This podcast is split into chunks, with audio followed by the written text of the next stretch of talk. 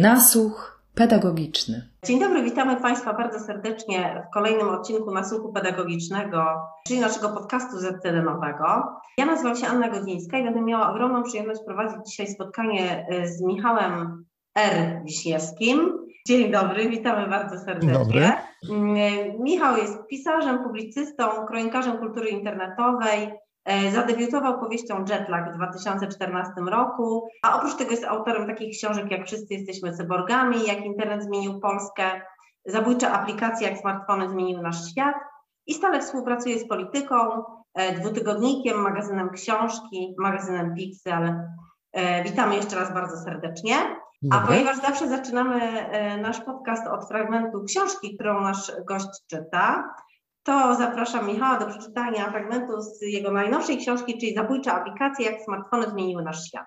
Kiedyś ogłupiały niewłaściwe książki. Bibliotekarka w moim liceum ostrzegała przed srogim polonistą, żeby tylko nie zobaczył, że wypożyczamy kryminały. Potem telewizja, wiadomo. Nazywali nas pokoleniem MTV, któremu teledyski zrobiły sieczkę z mózgu. Dzieciakom z lat 90. szkodzić miały pełne przemocy japońskie seriale animowane i Batman. Kolejnym ogłupiaczem miał być internet, wreszcie smartfon. Gadżet, który zjawił się, kiedy był najbardziej potrzebny, żeby wyjaśnić, co jest nie tak z dzisiejszą młodzieżą. Od kilku lat wszyscy bardzo przejmują się, co wyrośnie z generacji Z, tego biednego pokolenia, które od maleńkości było podpięte do sieci, którego zdjęcia zasilały pierwsze media społecznościowe. Dużo przejętych tekstów powstało na ten temat, próbujących ożenić ich problemy właśnie ze smartfonami przy jakby takim lekkim ignorowaniu różnych takich tycich problemiątek, jak ogólnoświatowy kryzys czy nadciągająca katastrofa klimatyczna. Ale okej, okay, smartfony. Kiedyś ich nie było, la Boga. Z tego, co widzę na TikToku i innych miejscach w sieci, generacja Z jest ok. Są ogarnięci, radzą sobie mimo przeciwności losu. Potrafią rozmawiać o swoich problemach i słuchać problemów innych. Nie wstydzą się iść na terapię, ale mają do tego okazję. Nie mają łatwo, ale się nie poddają. Widać różnicę między tym młodym pokoleniem a 30-letnimi trollami z wykopu. Jakie będzie następne pokolenie? Generacja alfa. Nie wiem, jak odciśnie się na nich doświadczenie pandemii. Próbuję porównać to do dzieciństwa spędzonego w PRL, żeby opowiadać, że też przeżyłem kryzys. Ale wiem dobrze, że te doświadczenia mnie bardzo ukształtowały. Zawsze będę zjadał całą czekoladę, zawsze będę chomikował rzeczy i zawsze będę skąpy jak odciśnie się COVID, może wyrosną z nich ludzie, którzy będą cenić to, co jest w życiu najważniejsze. Możliwość dzielenia go z innymi ludźmi. Mhm. No bardzo optymistyczna perspektywa, choć, e, choć my będziemy rozmawiać dzisiaj, e, to przywołałeś trochę, tak, przywołałeś COVID, przywołałeś PRL, a my dzisiaj jednak bardziej skupimy, i oczywiście młodych, na których się też skupimy, bo jednak słuchaczami naszego podcastu są e, nauczyciele, którzy jakby najwięcej z nas mają do czynienia z młodymi ludźmi, e, więc w tym kontekście pozostaniemy. Natomiast pamiętajmy też, że jakby w tle naszej rozmowy, która jest swego rodzaju podsumowaniem projektu, e, który tutaj się dział w ZCDN, czyli projektu dotyczącego krytycznego myślenia, pytam, sprawdzam, klikam, chciałabym, żebyśmy wokół tego, tych tematów e, i Twojego dzisiejszego, bo nagrywamy w dniu, tu zdradzę, konferencji podsumowującej projekt Pytam, Sprawdzam, Klikam, więc w kontekście też Twojego wystąpienia, czyli tych wszystkich rzeczy, które nam się nałożą, porozmawiali trochę o, o właśnie, o myśleniu krytycznym, ale w kontekście e, internetu e, i tego, co się dzisiaj dzieje, czyli fake newsów, dezinformacji, całej takiej wojny, która się dzieje też w przestrzeniach właśnie cyfrowych. Wracając mhm. do pytania, bo jednak chciałabym Ci jakieś zadać. E, od ponad 20 lat jesteś badaczem internetu. Może być, e, że mm, te zjawiska są Ci bardzo dobrze znane, które tam występują. E, I zaryzykuję takie pytanie, oczywiście na razie otwierające naszą rozmowę. Pytanie, które pewnie mm, dla naszego pokolenia jeszcze jest pytaniem zasadnym, dla młodszego już niekoniecznie, dla starszego na pewno jest bardzo zasadnym. E, czyli za co kochasz, a za co nienawidzisz internet? To jest pytanie, które można by, za co kocham albo nienawidzę miasto, za co kocham albo nienawidzę Oczywiście. świat. Ja już nie mam, nie mam takiego stosunku do internetu, gdzie bym mógł powiedzieć, że, że to jest y, przestrzeń, do której mam jakieś uczucia. bo to po prostu jest przestrzeń, która stała się rzeczy, fragmentem rzeczywistości i potrzebowałem się do niej zwyczajnie przyzwyczaić, przystosować i w niej żyję. Y, więc jeżeli sięgam po rzeczy, które, mi, które robiły na mnie wrażenie, to są jakieś sprawy nostalgiczne, kiedy to była rzecz, która była nowa, to była rzecz, która rzeczywistość odmieniła, czyli fakt, że przestałem być sam, y, że mieszkając w małym mieście pod Szczecinem, mając jakieś niszowe hobby, mogłem nagle spotkać ludzi z całej Polski, czy nawet z całego świata i nie być takim dziwakiem w klasie jedynym, który się tym interesuje.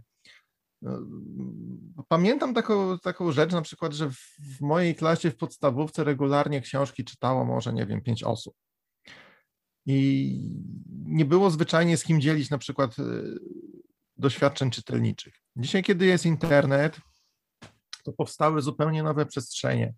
Powstały portale, gdzie można się wymieniać opiniami, powstały blogowiska, gdzie można prowadzić dyskusje, powstały różne grupy dyskusyjne. Powstał wreszcie ten nieszczęsny Wattpad, gdzie, gdzie młodzież po prostu sobie może pisać sama e, opowiadania, książki, komentować, przeżywać, kłócić się i, i żyć taką własną literaturą.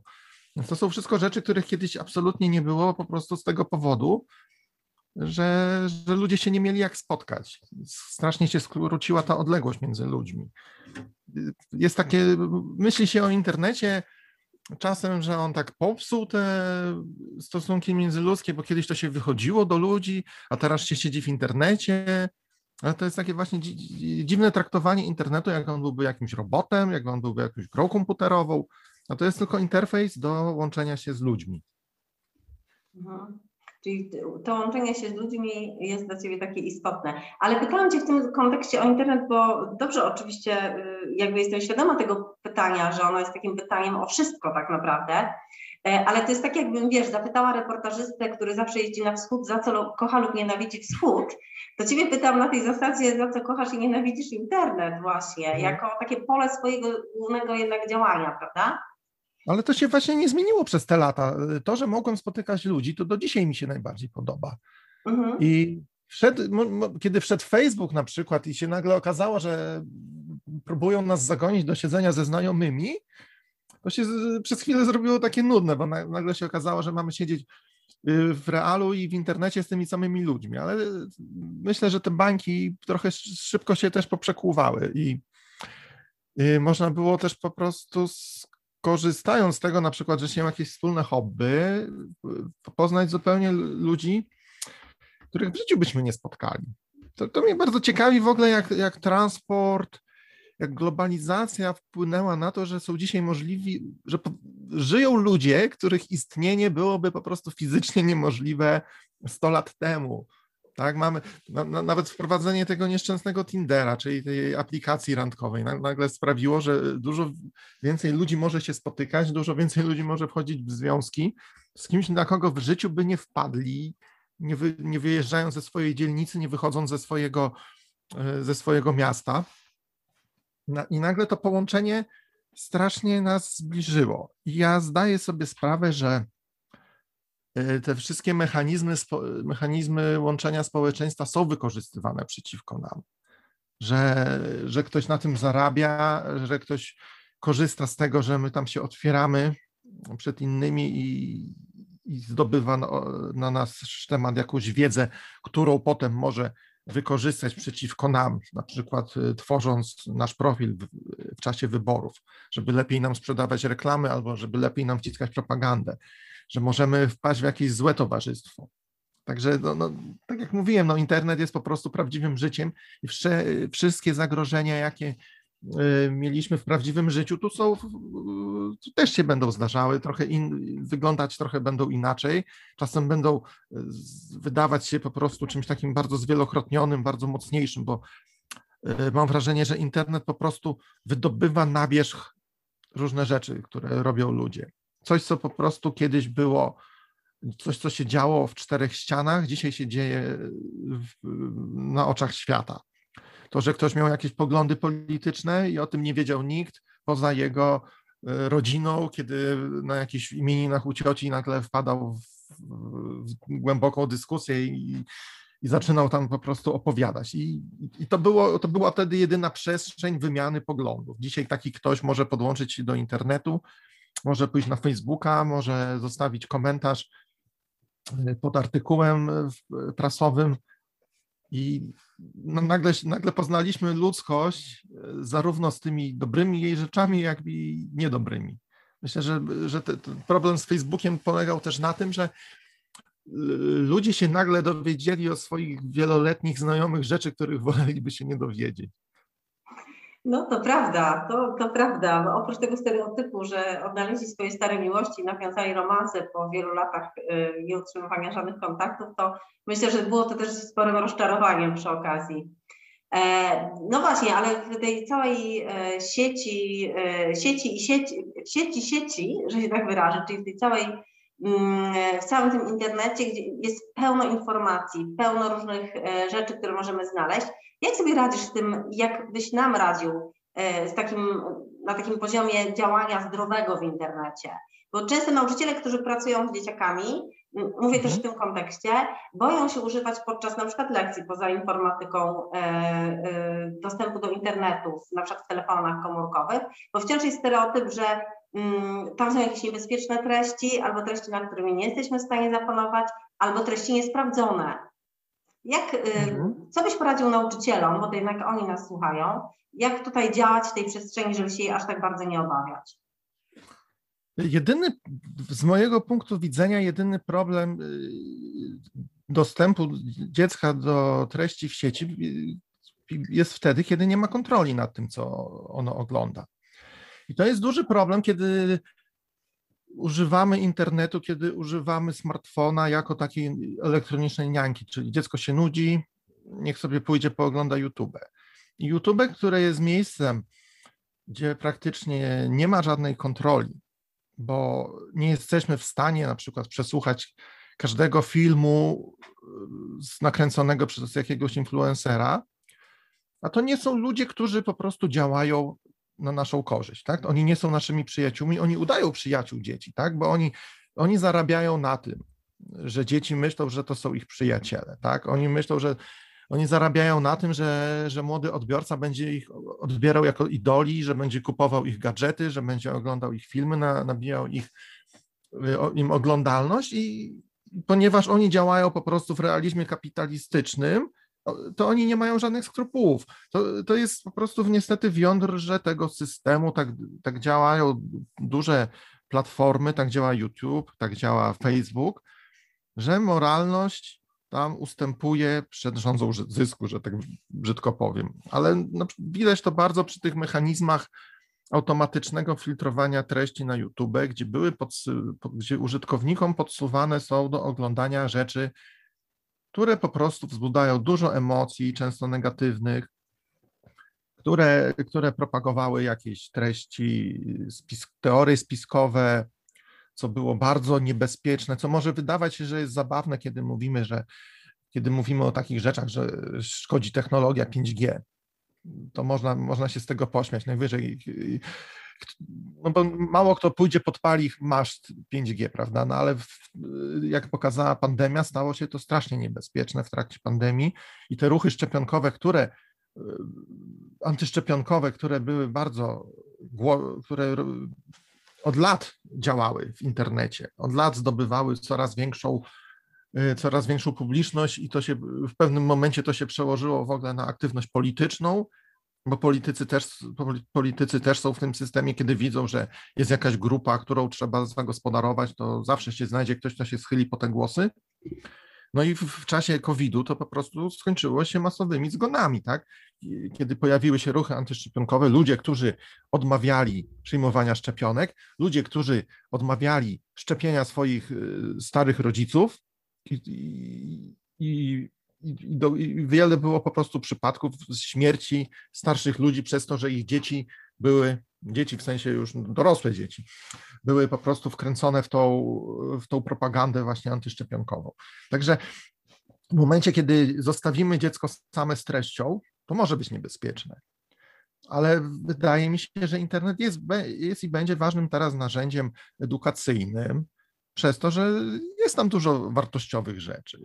Jeżeli w trakcie lekcji fizyki na przykład pokażemy dzieciom stronę NASA, żeby sobie pooglądało na przykład y, przygotowania do, do misji Artemis. To są fascynujące rzeczy, bo przecież to jest to, że człowiek wraca teraz na Księżyc, że ludzkość wraca na Księżyc. Myślę, że to jest coś, co, y, coś, co jest bardzo inspirujące i, i wykracza poza te wszystkie popkulturowe przedstawienia kosmosu, bo, bo stało się, mam wrażenie, coś tą masową wyobraźnią niedobrego, kiedy kosmos jest kojarzony głównie z jakimiś laserami, robotami i biciem się. I teraz nagle się, nagle się pojawia właśnie możliwość obserwowania na żywo tych przygotowań do powrotu na Księżyc. Więc to są rzeczy, które można śledzić w internecie i odpowiednio e, właśnie podane, odpowiednio przygotowane, polecone. W co e, tak naprawdę e, internet jest tak obszerny, że nie można mówić, że coś jest w internecie. Nie można powiedzieć, że dowiedzieliśmy się o czymś z internetu. To są konkretne strony, to są konkretne serwisy. Także gdy nauczyciel, nauczycielka poda linka, proszę, to jest serwis NASA, spójrzcie, tu możecie oglądać przygotowania do misji, teraz będzie, będzie robiony test wyrzutni, teraz będzie coś robione. To nie powinno w żaden sposób y, czynić szkody, bo dziecko jest tu nakierowane prosto do tej treści. Problem jest wtedy, kiedy dziecko jest zostawione właśnie samo w internecie i nie wie dokąd pójść. Bo to nie jest problem, który dotyczy tylko dzieci. To samo się dzieje z dorosłymi. Y, włączają, jest bardzo takie, przejmu, przejąłem się czymś takim, że kiedy się kupuje smartfona, on jest z systemem Android, on jest skonfigurowany, że ma podpięte po prostu wiadomości różne. I to jest strumień wiadomości, które idą z różnych, z różnych źródeł i z gazety wyborczej, i z jakichś mediów skrajnych, i z jakichś blogów nawet. I jeżeli ktoś nie zdaje sobie sprawy, że to jest po prostu strumień niesprawdzonych, wymieszanych informacji, może wpaść w tarapaty różne. Taki miałem ostatnio przypadek, właśnie, że starsza osoba bardzo się zdenerwowała, że na, że na szosach grasuje jakaś niebezpieczna sekta. I kiedy spra sprawdziłem o co chodzi, okazało się, że był to y, tekst z blogu o samochodach, który w taki żartobliwy sposób pisał o ludziach, którzy, którzy używają jakichś nielegalnych tablic rejestracyjnych. I, I oni tam byli właśnie przedstawieni jako sekta, jako, jako, jako tacy, takie tak zwane szury, tylko to było napisane w taki sposób, że jeżeli ktoś nie rozumiał tego żargonu, nie rozumiał tego, tej ironii tego tekstu, mógł się naprawdę przejąć, że coś dzieje się niedobrego. To jest niestety problem cały czas właśnie, że mówimy, że coś jest w internecie. To nie było w internecie, to było konkretnie na tym blogu. Także treści, które dziecko dostanie, zweryfikowane, że proszę przeczytajcie sobie to, nie wchodźcie na inne strony, wejdźcie sobie na tą stronę, obejrzyjcie to. To nie będzie niebezpieczne. Właśnie, tu wracamy do tego hasła naszego projektu i konferencji, czyli pytam, sprawdzam, klikam że jednak sprawdzam, skąd pochodzą informacje, prawda? Bo ludzie bardzo szybko, my dorośli się na to nabieramy, my, y, a młodsi jeszcze bardziej myślę, że nie sprawdzą informacji dokładnie. Była przecież ta słynna historia, która gdzieś tam ilustrowała y, jakieś zamieszki w Szwecji y, związane z uchodźcami, po czym okazało się, że kadry pochodzą z filmu fabularnego, prawda? A ludzie powielali gdzieś tam u siebie. Albo pamiętam taką historię, że ktoś umieszczał też e, informacje dotyczące, też to, to chodziło akurat, to, był, e, to byli uchodźcy, okazało się, że to pochodziło z takich wiadomości niby niemieckich, a później się okazało, że to w stylu aż dziennik. Tak, a ludzie to powielali, że w wiadomościach w Niemczech mówią, a u nas nie mówią. Ludzie mają problem z tym sprawdzaniem informacji. Masz jako, jakąś metodę, znaczy sprawdzania źródeł, może nie informacji. Masz na to jakąś metodę, podpowiedź e, taką dla naszych słuchaczy, jak sprawdzać źródła? To jest, to jest wielki problem, jak sprawdzać źródła, bo to jest tak naprawdę wymaga to etatu całego. Nie jesteśmy, jest tak, żyjemy w takim nasyceniu wiadomości, Facebook, Twitter, całe, całe te media społecznościowe, po prostu portale, one żyją z tego, żeby cały czas był jakiś świeży news. Nie jesteśmy praktycznie w stanie zbadać źródła każdej wiadomości, bo to wymaga właśnie sprawdzenia, kto to napisał, gdzie to napisał. Czy my znamy w ogóle język, tak? Czy my jesteśmy w stanie potem przeczytać szwedzką, szwedzką gazetę? I, i... Problem niestety polega na czymś innym. Ludzie często przyjmują te wiadomości, które im pasują do, do światopoglądu. To, że te y, newsy, te fake newsy o uchodźcach tak się dobrze rozchodziły, brały się z tego, że ktoś widział to i sobie myślał, super, wiedziałem, że tak jest. Ten, ten news potwierdza to, co ja już myślałem. Więc moim zdaniem no, najlepsze, co byśmy mogli zrobić, niczego nie szerować. Ja, ja mam zasadę taką, że nie szeruję żadnych newsów wrzuconych, które nie są z jakiegoś głównego źródła typu zaufany, zaufany tytuł prasowy. Chociaż i tam się zdarzają oczywiście jakieś kiksy, tak? Ale to już jest wtedy wina jakby redakcji, nie moja. Ale jeżeli ja widzę news, który jest tylko zrzutem ekranu, który jest tylko memem, który gdzieś, gdzie jest jakieś zdjęcie z jakimś tekstem dodanym, nie wiadomo, kto go dodał, kto go podał. No najlepiej by było w ogóle nie zapisywać się do takich różnych grupek. To jest duży problem, że y, sieci społecznościowe są pełne ludzi, którzy wykorzystują tą taką naszą potrzebę przynależenia. Więc powstają różne grupy, które zrzeszają różnych fanów, antyfanów y, opcji politycznych lub różnych innych. Nagle się okazuje, że tak naprawdę to są, to są grupy prowadzone przez, y, przez albo jakichś agentów y, wpływów obcych, było to bardzo teraz widać w czasie tej napaści na Ukrainę, kiedy się okazało, że wiele grup antykowidowych, w sensie tych, którzy, które rozsiewały tak, na temat COVID-u, nagle się poprzemianowywały na grupy antyukraińskie, które po, y, rozpowszechniały tą propagandę kremlowską. I nagle się każdy powinien zastanowić, po co on się zapisał do tej grupy. Dlaczego siedzi z jakimiś ludźmi, których nigdy nie poznał, nawet nie wie, czy to są prawdziwi ludzie, wymienia się z nimi jakimiś memami i, i po co to właściwie robimy, tak?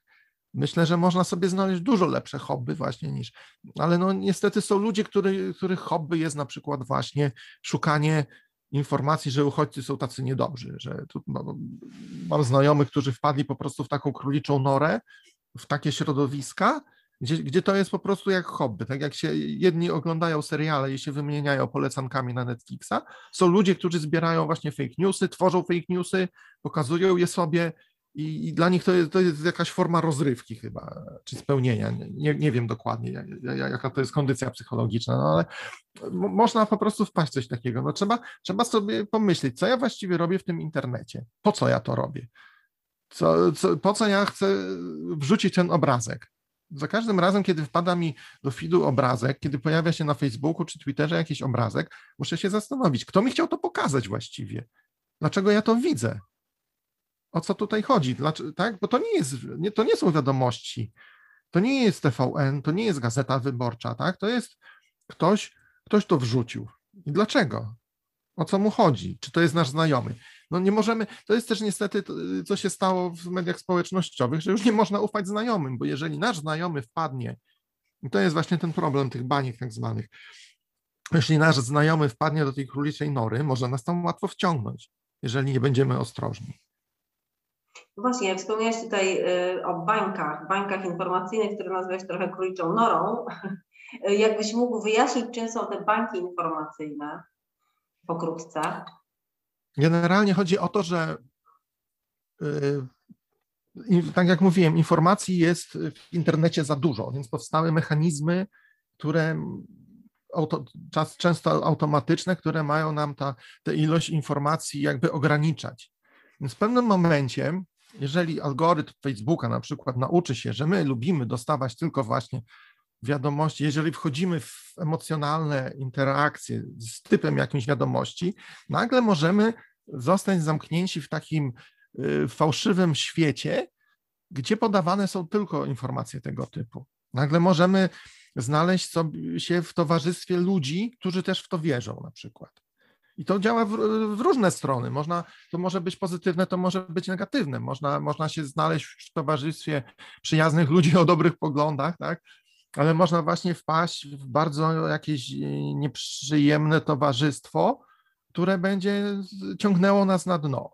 No, tak się dzieje, y, zwłaszcza z młodymi ludźmi, zwłaszcza chłopakami, którzy się czują jacyś niechciani, odepchnięci. Na nich już w internecie po prostu czekają y, ludzie, którzy chcą ich wciągnąć w takie środowiska tak, zwane ince, tak zwanych inceli, czyli takich chłopaków, którzy myślą, że są odrzuceni przez kobiety i że to jest wina całego świata.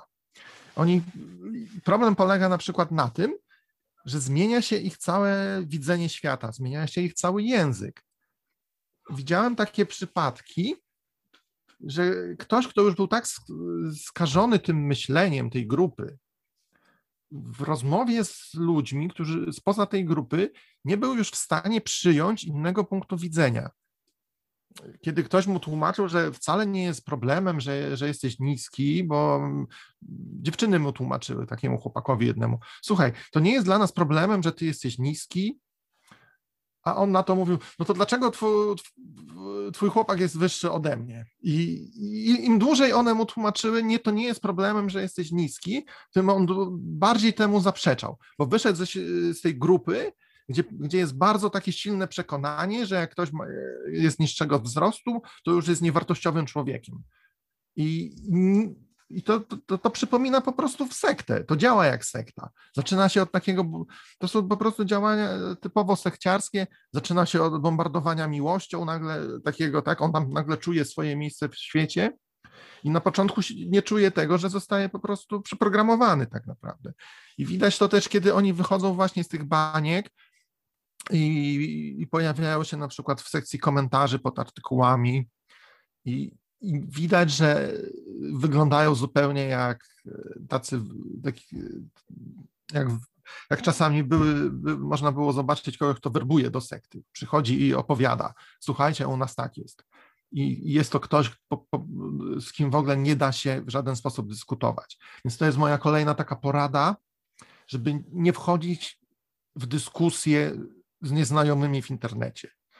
Że, że tak naprawdę kłócenie się w internecie, wymiana poglądów w internecie, która kończy się jakąś, jakąś bardzo długą wymianą, podważaniem naszych argumentów, wciąganiem nas w takie e, pedantyczne wyjaśnianie każdego naszego przekonania, to, to znaczy, że rozmawiamy z kimś, zawsze jeżeli jesteśmy w takiej sytuacji, znaczy, że rozmawiamy z kimś, kogo tak naprawdę nie interesują nasze argumenty, jego interesują jedynie ciągnięcie tej dyskusji. Y, jego interesuje, żeby pokazywać swo, swój punkt widzenia. I kiedy my z tą osobą rozmawiamy, to zwykle wszyscy nasi znajomi widzą, co on mówi. I ponieważ oni są uparci, tak, mają te mechanizmy takie erystyczne opanowane, to zawsze coś zostanie. W ten sposób działały te ruchy antyszczepionkowe. Ktoś przychodził i mówił, no ale ta szczepionka nie działa. Ktoś mu mówił, no ale działa, zobacz, tu mam, tu są takie badania, tu są takie badania. To on zmieniał wtedy temat. No ale przecież, a tutaj popatrz, a to nie. I znowu tłumaczenie, tłumaczenie, tłumaczenie. Komuś, kto to obserwuje z boku, zostało w głowie po tej całej dyskusji, coś jest nie tak z tymi szczepionkami, dlaczego tam jest aż tyle wątpliwości. I to, że to były po prostu fałszywe, zmyślone, złośliwe, przekręcone w złej wierze wypowiedziane rzeczy, to nie ma znaczenia, tak? bo nie jesteśmy w stanie dokonać analizy każdej rzeczy, na, zwłaszcza na której się nie znamy. Ale ziarno pokoju zostało zasiane, prawda? Tak. I widać to strasznie teraz w czasie wojny, bo każde zdjęcie, po prostu ta propaganda już jest taka tempa i widać, że ona może być taka tempa, że można każde zdjęcie zbrodni można podważyć na 10 wykluczających się sposobów. Raz, że to są aktorzy, raz, że to wcale nie, raz, że to oni sami się zabili. I to są wszystko rzeczy, które wychodzą od jednej strony. One są po prostu absurdalne, są niespójne logicznie, ale zostaje zasiane właśnie to, no ale coś tu jest nie tak, ktoś to może z boku zobaczyć. Bo, bo, bo, bo to człowiek ma ten mechanizm wyparcia bardzo silny. My nie chcemy się mierzyć z tym, że dzieje się coś złego, tak? My nie chcemy sobie my woleliśmy wyprzeć to, że jest pandemia, niż to, że umiera tyle ludzi codziennie. Więc kiedy ktoś przychodzi i mówi, słuchajcie, ta pandemia jest zmyślona, to część ludzi, która po prostu nie razi sobie psychicznie z tym ogromem y, tego zła na świecie, woli to wyprzeć. I tutaj niestety internet odgrywa bardzo złą rolę. Mhm. No, można by to podsumować wszystko y, taką radą, żeby być czujnym i czujną, prawda? To tak naprawdę chyba na tym, na, na tym polega to nasze pytam, sprawdzam, klikam, że jakby być czujnym i, mm, i chyba znajdować sobie gdzieś te autorytety, które wiemy, że są mm, obiektywne, choć dzisiaj oczywiście obiektywizm wciąż y, nie wiem, czy do końca jest i to też różnie Niestety bywa. z tymi z autorytetami też jest tak, że każda strona ma swoje autorytety. I mieliśmy, i to są ludzie, którzy są, mają tytuły profesorskie, którzy używają trudnych słów, którzy kręcą długie y, wykłady na YouTube. To jest w ogóle też takie dla mnie zawsze znaczące. Jeżeli ktoś przychodzi dyskutować i zamiast napisać coś, wrzuca po prostu link do półgodzinnego filmiku albo godzinnego, wiadomo, że nie przyszedł, to nie jest jego zdanie. Tak? Mhm. Jeżeli ktoś ma swoje zdanie na jakiś temat, to ma je i potrafi je wyrazić, a nie, nie potrzebuje do tego wciągać kogoś na, na oglądanie jakiegoś długiego wykładu. A w takim w czasie mówienia jest bardzo łatwo manipulować. Bo ja zarzucę teraz, ja, ja na przykład używam prostego języka, nie używam w ogóle żadnego żargonu czy slangu, bo dla mnie jest najważniejsze dotarcie z prawdziwym, y, czystym przekazem. Ale są ludzie, którzy specjalnie to zaciemniają, żeby właśnie stwarzać wrażenie, że to jest wszystko bardzo skomplikowane, że tak naprawdę nie możemy poznać prawdy. Y, mają, mają różne y, sztuczki na to. I takim, takim ludziom, którzy właśnie mówią zbyt skomplikowanie, to też bym nie ufał. No właśnie, okazuje się, że to krytyczne myślenie w edukacji, w szkole jest niezwykle potrzebne, bo my jesteśmy tym pokoleniem, które stało gdzieś pomiędzy, prawda, pomiędzy światem bez tych mediów i bez internetu i wchodziliśmy już w sumie w dorosłym życiu w ten bardzo rozbudowany internet. Natomiast to młode pokolenie, które dzisiaj chodzi do szkoły, nie zna już świata bez internetu. I teraz wydaje się, że sztuką jest nauczyć e, ich korzystania po prostu z tego jakby chodzenia po tym internecie, prawda, poruszania się po nim E, tak żeby nie ufać we wszystko, coś tam widzi. Ja mam wrażenie, że w ogóle przez to, że internet jest prawdziwym światem, to bardzo wiele zasad, które dotyczą prawdziwego świata, się sprawdza. Mhm. Tak? Takie rzeczy jak nie rozmawiaj z nieznajomym, takie rzeczy jak rozejrzyj się przechodząc przez ulicę, bo cię może coś przejechać. To, jest, to są zasady, które wchodzisz w internet i też rozejrzyj się, zanim cię coś przejedzie, tak? Zobacz, skąd to nadciąga, co to, co jedzie, tak, o co chodzi.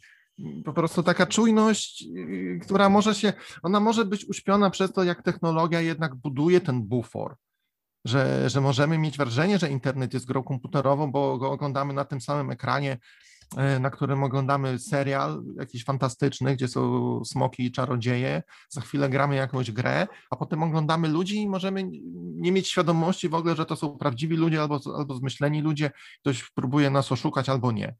To, to jest bardzo konfudujące, myślę. Ale ja mam wrażenie, że my zawsze byliśmy oszukiwani, tak? No, no przecież hasło, że telewizja kłamie, w latach 80. znał każdy, tak? Wszyscy wiedzieli, że telewizja kłamie, a jednocześnie, i to jest największy paradoks, nadal tym mediom się wierzyło, bo coś było wydrukowane, y, bo mhm. ktoś coś napisał. I, I to było dla mnie też ciekawe w tym pierwszym internecie, że ja nagle miałem narzędzie, żeby część tych rzeczy, które były w telewizji, które były w prasie, zweryfikować.